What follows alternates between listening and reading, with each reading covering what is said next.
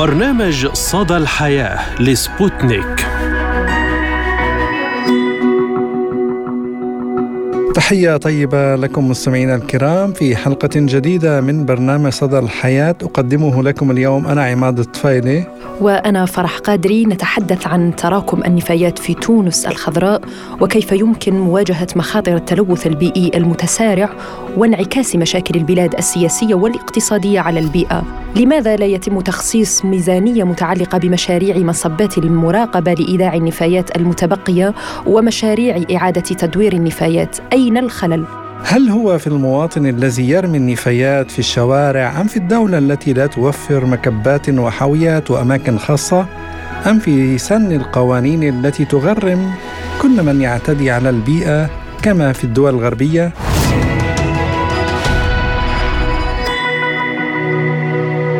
أمر مؤسف أن تصبح بعض الشوارع في تونس الخضراء مكانا لتجمع وتراكم النفايات ورميها بشكل عشوائي. فلم يعد بالأمر الغريب في السنتين الأخيرتين أن ترى نفايات مكدسة ومتراكمة في الأزقة وأمام أرصفة الطرقات وبالقرب من المدارس والسكنات المدنية.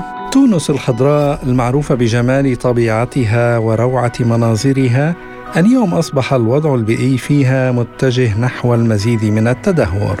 وتعيش تونس تداعيات خطيرة بسبب التغير المناخي وتأثيراته عبر ظواهر عديدة منها الاحتباس الحراري وزيادة معدلات التلوث في الهواء وغيرها الأمر الذي يهدد ثروات البلاد خاصة الزراعية والبحرية. بعدد سكان تعدى 12 مليون نسمة ووفقا لأرقام الوكالة الوطنية للتصرف في النفايات لعام 2023 تنتج تونس سنويا حوالي مليونين وستمائة ألف طن من المخلفات. وفي تقرير الوكالة التونسية للتصرف في النفايات فإنه وفقا للدراسات تتميز هذه النفايات بنسبة عالية من المواد العضوية تتجاوز 60% وبنسبة عالية من الرطوبة تتراوح بين 65 و 70% ودفع ازدياد حجم المخلفات سنويا وكون معظمها غير قابل لإعادة التدوير جهات مختصة للجوء لطرق يراها خبراء لا تحافظ على البيئة. ولأكثر من عقدين ووفقا لأرقام رسمية أدت عمليات طمر النفايات المستمرة في تونس إلى امتلاء المصبات المرخصة خاصة مع عدم إنشاء أي أماكن جديدة خلال العشر سنوات الماضية. ووفقا لدراسات بحثية يتسبب طمر النفايات العضوية في تلوث كبير لعناصر البيئة الماء والهواء والتربة. ولا ننسى قضية إعلان إعادة 213 حاوية نفايات منزلية باتجاه إيطاليا تم استيرادها بشكل غير قانوني في عام 2020. حين أعلن ديوان البحرية التجارية والموانئ التونسي عن أن الحاويات كانت مخزنة في ميناء سوسة وشرع تدريجيا في تحميلها على متن سفينة تركية استأجرتها روما ضمن اتفاق أبرمته في الحادي عشر من فبراير شباط عام 2020 مع الحكومة التونسية. وتخضع حاويات نفايات أخرى تضررت إثر حريق في ديسمبر كانون الأول من نفس السنة لمشاورات بين الطرفين حسب وزارة البيئة التونسية. وفجرت هذه القضية فضيحة في تونس وأثارت تحركات احتجاجية أعرب خلالها متظاهرون عن رفضهم أن تكون بلادهم مزبلة إيطاليا. وسلطت القضية الضوء على تجارة النفايات العالمية التي نمت رغم التشريعات الدولية الصارمة التي تهدف إلى منع الدول الغنية من التخلص من نفاياتها الخطيرة في الدول الفقيرة. للخوض أكثر في هذا الموضوع. نستضيف معنا من تونس الخبير البيئي والمختص في تدوير النفايات المنزلية والمشابهة الأستاذ حمدي شبعان. أهلا وسهلا بك أستاذ حمدي وشكرا لتواجدك اليوم معنا في برنامج صدى الحياة. يعني نبدأ من هذه الكارثة البيئية. تراكم للنفايات في الشوارع والأحياء في تونس الخضراء. يعني خلق مشاكل بيئية كثيرة من تلوث انتشار أمراض وأيضا أوبئة والحشرات الحالات كيف يمكن معالجة أو التصدي لهذه المشكلة؟ يعني ما دور الحكومة هنا؟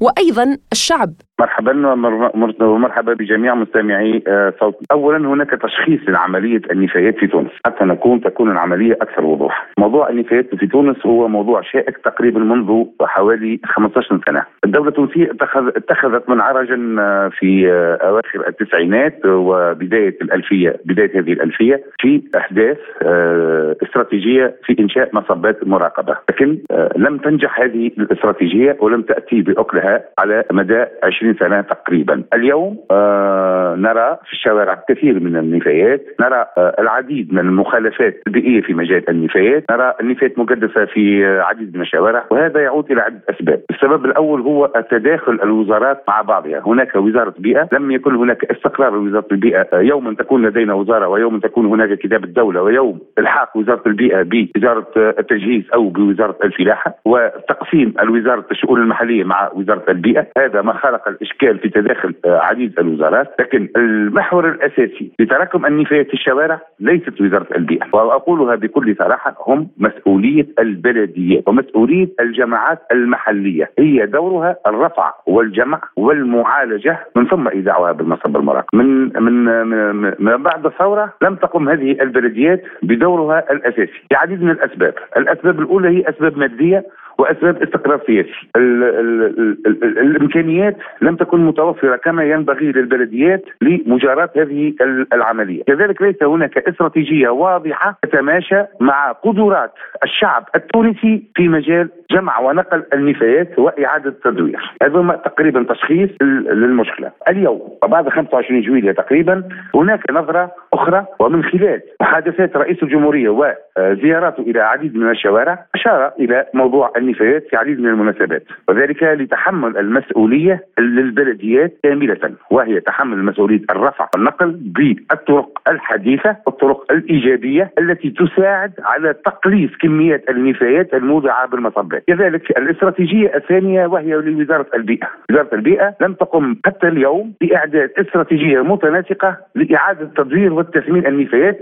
للعلم فإن تونس تقريبا تقوم بتدوير حوالي 5 6% من نفاياتها الصناعية أو النفايات المنزلية على أقصى تقدير، يعني الموضوع اليوم تشابك سياسي ما بين آه، وزارتين وهي وزارة الداخلية في اداره الجماعات المحلية ووزارة البيئة في كل ما هو الوكالة الوطنية للتصرف في النفايات والوكالة الوطنية لحماية المحيط، نعم. هذا تشخيص وتقريبا منظر عام للنفايات في تونس، لكن اليوم تقريبا آه، وصلنا إلى حل، حل آه، كلنا اقترحناه سنة 2021 وسنة 2022 وهي عملية تقليص من النفايات المودعه في الشوارع بالدخول إلى عملية الفرز الانتقاء المنزلي والفرز الانتقائي التجاري. هذا تقريبا نصل به إلى تقليص كمية النفايات حوالي إلى 40% مع أحداث وحدات للمعالجة والفرز آه، مصغرة وليس وحدات كبيرة من ثم إيداع هذه النفايات في مرحلة أولى إلى مصبات مراد. أستاذ حمدي يعني الكثير من الخبراء أرجعوا تفاقم مشكلة التعامل مع النفايات في تونس بوصول أطنان من المخلفات المنزلية القادمة من إيطاليا سنة 2020 يعني إلى أي مدى برأيك أثر ذلك على الوضع البيئي التونسي؟ لأكون واضحا والناس كل لازم تعرف. هذا ودول العالم الكل تعرف. نحن في ذلك الزمن كانت تونس تعيش في فساد مقيت وفساد كبير مدرج في صلب وزارة البيئة. لم يكن هناك فساد وتراخي من وزارة البيئة. لن يستطيع أي شخص أو أي دولة أو أي شركة بعث مثل هذه النفايات إلى تونس أو غيرها. هنا المشكلة مشكلة فساد. واليوم كما نعلم تقريبا ثلاثة وزراء من البيئة موجودين داخل السجن لأبحاث عديد من القضايا ومنهم القضية النفايات الإيطالية. وبعد 25 جويلية تقريبا هناك إصلاحات كبرى في في هذا المجال. لكن الحقيقة باش نكون واضح سواء كانت قبل الثورة أو بعد الثورة يعني وزارة البيئة راهي أكبر وزارة فساد بالنسبة لي والمال المهدور داخل وزارة البيئة مال كبير جدا. والتعدي على المسائل البيئية في تونس أصلا متأتية من وزارة البيئة وليس من وزارات أخرى. طيب يعني إلى ماذا ترجع مشكلة تراكم النفايات؟ أليس باستطاعة الحكومة التونسية أن توفر مصبات لهذه النفايات أو تجد حلولا؟ شوف هم لم يحاسبوا كلهم ولم نغير الكثير داخل في صلب وزارة البيئة إلى اليوم صراحة أقولها ولن تضر هذه التغييرات في الوقت الراهن لنستطيع أن نصل إلى استراتيجية أو مردودية في مجال التعامل مع النفايات. ال ال الإشكال الكبير اليوم هي إدارة التونسية وتداخلها مع بعضها بين وزارة البيئة والجماعات المحلية. ويعني هنا اليوم البلديات لم تقم بدورها والمجتمع المدني كذلك لم يقم بدوره كما ينبغي في إحداث مشاريع مصغرة للفرد الانتقائي في التوعية في التربية البيئية في الثقافة البيئية وهذا له نقائص كبيرة موجودة في تونس.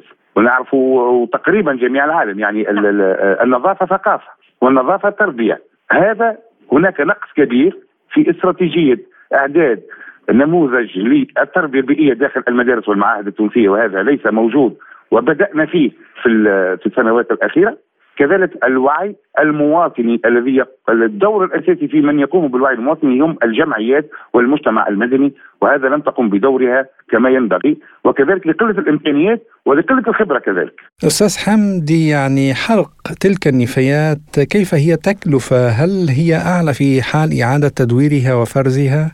اولا سنكون بحلق النفايات بطريقة عشوائية وهو مخالف لجميع المعايير البيئية وله تداعيات صحية وبيئية كبيرة وكبيرة جدا وهي ضرر على التربة والمياه وعلى الإنسان والحيوان.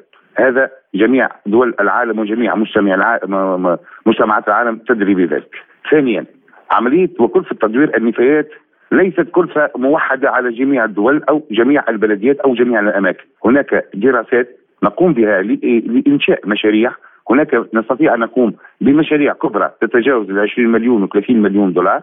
كما كذلك نقوم بمشاريع متوسطة وصغرى لا تتجاوز 5 مليون إلى 2 مليون دولار. يعني لهنا تحديد المواقع تحديد الكميات تحديد المسافات هي والدراسات هي التي تحدد ذلك. لإنشاء مثل هذه المشاريع، لكن المردودية لهذه المشاريع هي مردودية إيجابية وإيجابية تقريبا ب 100%. اولا من توفير المواد الأولية. لإعادة استعمالها مرة أخرى. ثانيا المردودية البيئية. ثالثا المردودية الصحية وتناقص الصحة على الإنسان وما يخالف ذلك، وهذا آه تقريبا في تونس مفقود إلى اليوم. كذلك هناك إشكاليات النفايات الصناعية ليست لنا استراتيجية موحدة واستراتيجية شاملة للنفايات الصناعية، كذلك النفايات الخاصة. ونعلم جميعا أن هناك مصب للنفايات الخاصة متواجد في تونس لا يعمل منذ عشر سنوات، النفايات الخطرة الاستراتيجية ومع الأسف في ميزانية 2024 سنة سنة 2024 لم تكن هناك إشارة إلى استراتيجية جديدة للنفايات الخطرة وبالأخص النفايات الانشطه الصحيه وهذا كله يتسبب في تراكم هذه المشاكل ويصعب حلها آه، في في عديد من المناسبات. نعم يعني كما تعلم وكما قلت أن النفايات تساهم بشكل كبير في انتشار الأمراض والأوبئة، كيف يمكن للدولة اليوم أن تواجه هذه المخاطر وتحمي الشعب من الأمراض؟ هو اولا يجب العمل على تقليص كميات النفايات الموضعة بالشوارع، اولا من ثم عمليات المعالجة والمعالجة الفورية يعني يوما بيوم. وهذا ما يقلص كمية الخطر الداهم من النفايات على الإنسان والحيوان والبيئة والتربة في نفس الوقت. هي صحة واحدة وهذا كونسيبت جديد اليوم العالم الكل يشتغل على الصحة الواحدة وهي صحة الإنسان وصحة الطبيعة وصحة الحيوان وانعكاساتها على المجال البيئي والتغيرات المناخية. ونعلم جيدا أن اليوم التغيرات المناخية أتت على أكلها بالأخص الدول الإفريقية وظهر لنا في سنة 2023 أن هطول الأمطار تأخر بعديد من الأشهر في تونس وهذا له دور كبير في المجال البيئي لتحسين حياتنا البيئية حتى نستطيع أن نتأقلم مع التغيرات المناخية في المستقبل طيب كيف يمكن حل مشكلة تراكم النفايات برأيك وأيضا كيف يمكن الاستفادة من الذكاء الاصطناعي في تدويرها؟ اولا في تونس يلزم الناس كل كانت تقعد مع بعضها يلزم جميع المتدخلين في هذا المجال نجلسوا على نفس الطاولة لإعداد استراتيجية موحدة وشاملة لجميع أنواع النفايات. بالنسبة بالنسبة للذكاء الاصطناعي الطلبه التونسيين وشكرا لجميع الجامعات التونسية وضعت برامج من سنه من منذ سنة 2016 لاستعمال الذكاء الاصطناعي في عملية التدوير النفايات وهذا في دراسة مع جامعة فاكس سنة 2016 وقمنا حتى بتصدير هذه التكنولوجيا إلى دول أخرى وهي كيف نعالج ونثمن النفايات بطرق تكنولوجية متطورة اليوم وبمراقبة على حسب الذكاء الاصطناعي. الخبير البيئي والمختص في تدوير النفايات المنزلية والمشابهة الأستاذ حمدي شبعان شكرا لك على هذه المداخلة. كنت معنا من تونس.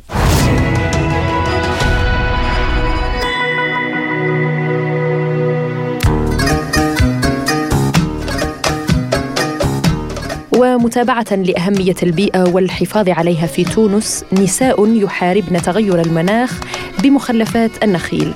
ففي واحة شنني في الجنوب الشرقي لتونس تختفي قصص نساء جابهن التغيرات المناخية بطرق مبتكرة ورفضن مغادرة موطنهن كما فعل العشرات من أبناء المنطقة. وتركت التغيرات المناخية وخاصة الجفاف وندرة المياه والارتفاع غير المسبوق لدرجة الحرارة أثارها العميقة على عمل النساء في هذه الواحة الواقعة في محافظة قابس حيث النشاط الفلاحي هو النشاط الطاغي على هذه الجهة. كما أجبرت النساء على ترك مهنتهن التي عرفنا بها على مر العقود وهي زراعة الحناء التي تعرف بالذهب الأحمر. والحناء هي نبتة شوكية تستخرج منها النساء مسحوقا يستخدمنه لتزيين الأكف وصبغ الشعر وهي المادة التجميلية الأساسية في حفلات الزواج لدى العائلات التونسية من شمالها إلى جنوبها. وبفعل انحباس الأمطار تراجعت محاصيل هذه الواحه المعروفة أيضا بزراعة النخيل. وهو ما دفع بالعشرات من شبابها إلى مغادرتها إما باتجاه العاصمه أو خارج البلاد بحثا عن ما يؤمن لهم لقمة العيش. نساء صامدات ضد تغير المناخ وتسطر النساء في هذه الواحة قصص صمود في وجه التغيرات المناخية وتقول سمية رزق الله وهي أصيلة منطقة شنني ورئيسة جمعية هي الهدف لوكاله سبوتنيك هرب الشباب وبقيت النساء متمسكات بأرضهن. وتؤكد سمية البالغة من العمر 38 سنة أن نساء منطقة شنني هي هن الفئة الأكثر تاثرا بالتغيرات المناخية نظرا لارتباط عملهن بالأرض التي أصابها الجفاف وأصبحت غير قادرة على إنتاج أنواع من المحاصيل الزراعية التي كانت تؤمن لهن لقمة العيش منذ عشرات السنين على غرار الطماطم والحناء والملوخية. نبتة زهرية تستخدم أوراقها لإعداد طبق الملوخيه وتقود سمية مشروعا لتمكين نساء واحد شنن اقتصاديا وتدربهن على التأقلم مع التغيرات المناخية التي تقول إنها أصبحت واقعا لا يمكن تجاهله وتشجعهن على ابتكار حلول بديلة تتلائم مع البيئة. أه، تونس وخاصة واحد شني تشهد ارتفاع في درجة الحرارة نتيجة للتغيرات المناخية. أه، سعينا كجمعية نسائية هي الهدف في توعية نساء الجهة لمجابهة التغيرات المناخية والحاجة عن طريق التوعية آه، فهمناهم. آه، الحلول البديلة الموجودة نظرا لنقص تغير التربة نتيجة لنقص الماء وندرة الماء.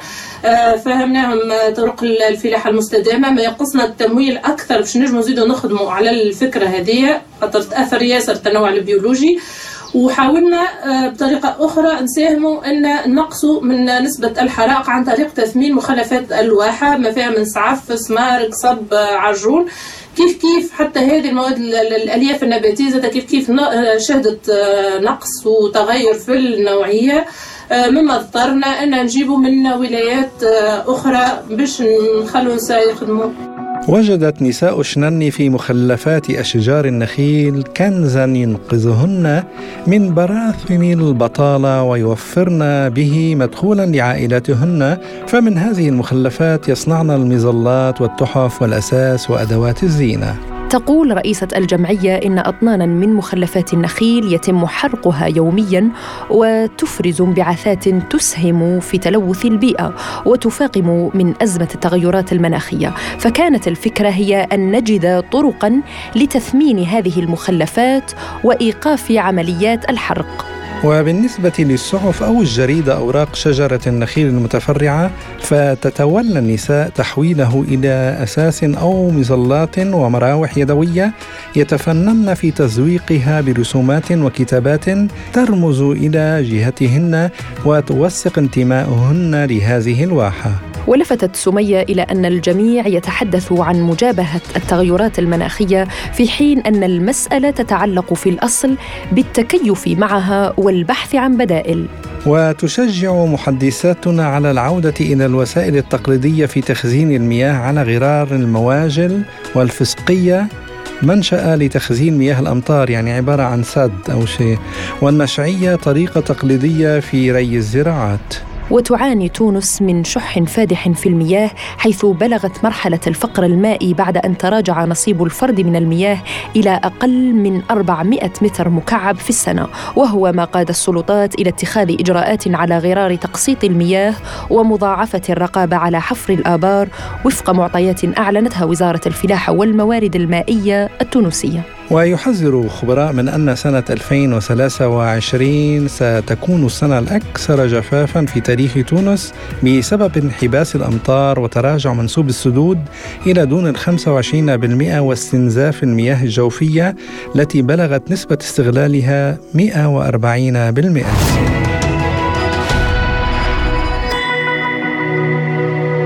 نواصل معكم مستمعينا الكرام حلقة اليوم من برنامج صدى الحياة بأهم الأخبار التي كانت الترند لهذا الأسبوع وما هو أول خبر لديك يا عماد؟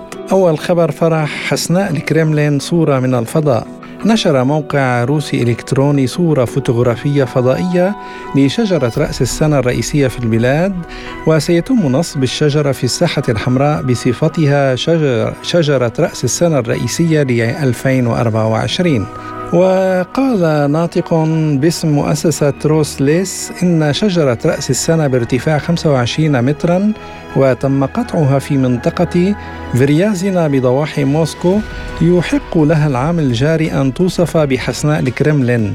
ويشار إلى أن عمر شجرة الشوح يقارب 84 عاما فيما يبلغ قطر جذعها 60 سنتيمترا. وقال الناطق أن حوالي 50 إلى 70 شجرة شوح تتنافس كل عام على لقب حسناء الكرملين الرئيسية ويتم اختيار الشجرة وفقا لعدة معايير حيث يجب أن يكون لها جذع أملس وغير منحن بالإضافة إلى تاج مخروطي الشكل مع إبر ليست سميكة جدا كي لا تظلل زينة رأس السنة. ومن بين أمور أخرى يجب أن تنمو الشجرة في غابة يمكن للمعدات الوصول إليها لقطعها ونقلها.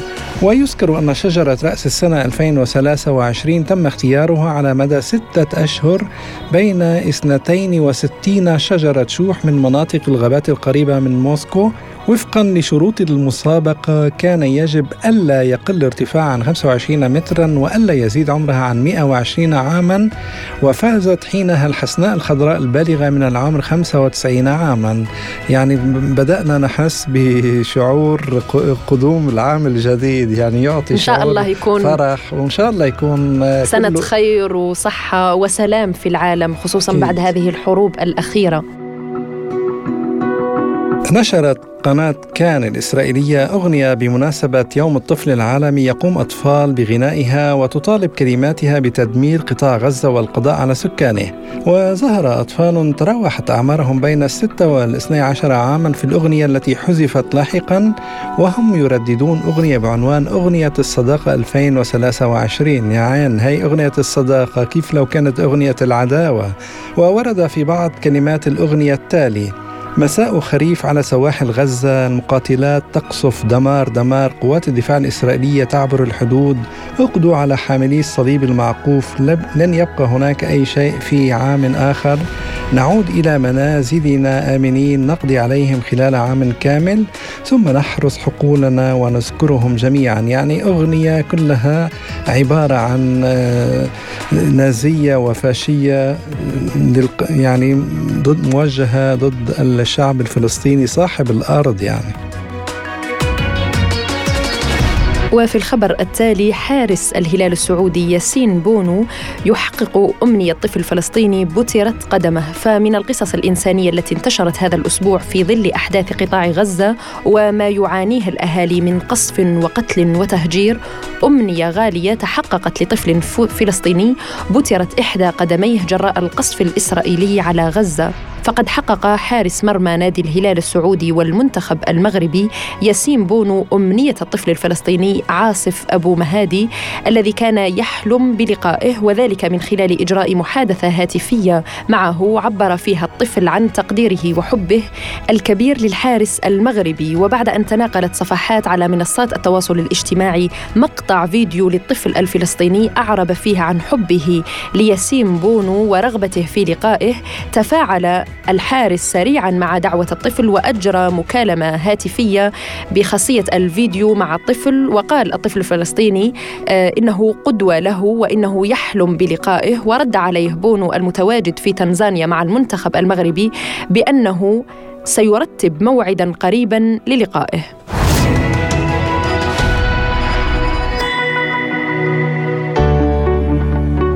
ونختم حلقة اليوم من برنامج صدى الحياة بمعلومة طبية كما عودناكم متابعينا الكرام الأطعمة التي ترفع خطر الإصابة بسرطان القولون.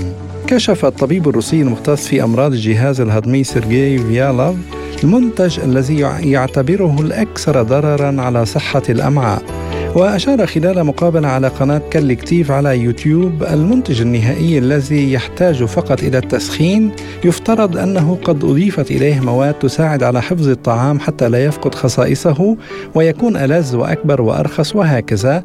المضافات والمنتجات شبه المصنعة تصبح خطيرة للغاية. وبحسب الطبيب فإن المنتجات شبه المصنعة تشكل مخاطر صحية كبيرة واستشهد فيالوف ببيانات من دراسات أظهرت أن تناول مثل هذه الأطعمة أكثر من مرتين في اليوم يزيد من خطر الالتهاب في الأمعاء علاوة على ذلك قد تظهر الأورام الحميدة في الجسم وهو ما يطلق عليه الطبيب حالة سرطانية. ولفت فيالوف إلى أنه يجب الحذر بشكل خاص من الأطعمة المقلية الجاهزة والسبب في ذلك هو عملية إنتاجها حيث يتم طهي الطعام في الزيت نفسه لفترة طويلة. وحذر الطبيب من أن الإفراط في تناول مثل هذه الأطعمة من شأنه أن يسبب الالتهابات والعدوى وفرط نمو الميكروبات في الأمعاء. نحن دائما نتساءل عن المبدأ الأساسي للتغذية الصحية. أفادت خبيرة التغذية الروسية الدكتورة أولغا كوندراتينكا بأن الإنسان يحتاج إلى طاقة ليعيش حياة طبيعية وأن مصدر الطاقة الأساسي هو الكربوهيدرات. لذلك يجب أن يحصل الجسم على 50% من السعرات الحرارية اليومية من الكربوهيدرات على ألا يكون مصدرها منتجات الحلويات والمعجنات. وأوضحت أن المبدأ الأساسي الأساسي لنظام غذائي صحي هو توازن بين البروتينات والدهون والكربوهيدرات والفيتامينات. وتقول الخبيرة الروسية إنه يفضل أن تكون الكربوهيدرات طويلة الأمد وذات مؤشر معتدل لنسبة السكر في الدم أو منخفض كما أنه من الأفضل تناول السكريات الأحادية والثنائية أي الفواكه ومنتجات الألبان. وأشارت الخبيرة إلى أن رفض البعض لتناول الدهون أمر خاطئ لأن الدهون يجب أن تشكل ما لا يقل عن 30% من السعرات الحرارية اليومية. ومن الضروري أيضا زيادة كمية الأحماض الدهنية المتعددة غير المتشبعة بما فيها الأوميغا 3 وأوميغا 6 ومقابل هذا يجب استبعاد الدهون المتحولة والأحماض الدهنية الأحادية الموجودة في الاطعمه الدهنية والمقلية والأطعمة الأطعمة المصنعة وأيضا الوجبات السريعة. وخلصت كوندراتينكا إلى القول أنصح الأشخاص الذين يرغبون في اتباع نظام غذائي صحي بإعطاء الأفضلية للخضروات النيئة والفواكه والأعشاب والحبوب الكاملة لأن لها تأثيرا يقلل من تأثير السموم في الجسم وهي تحسن وظيفة الأمعاء وعملية الهضم. كما أنه من المهم تناول كميات كافية من فيتاميني سي وبي وكذلك الانتباه لمستوى فيتامينات دي وي وآ إلى هنا نصل وإياكم مستمعينا الكرام إلى ختام حلقة اليوم من صدى الحياة. كنا فيها معكم أنا فرح قادري. وأنا عماد الطفيلي وشكرا لإصغائكم وإلى اللقاء. إلى اللقاء.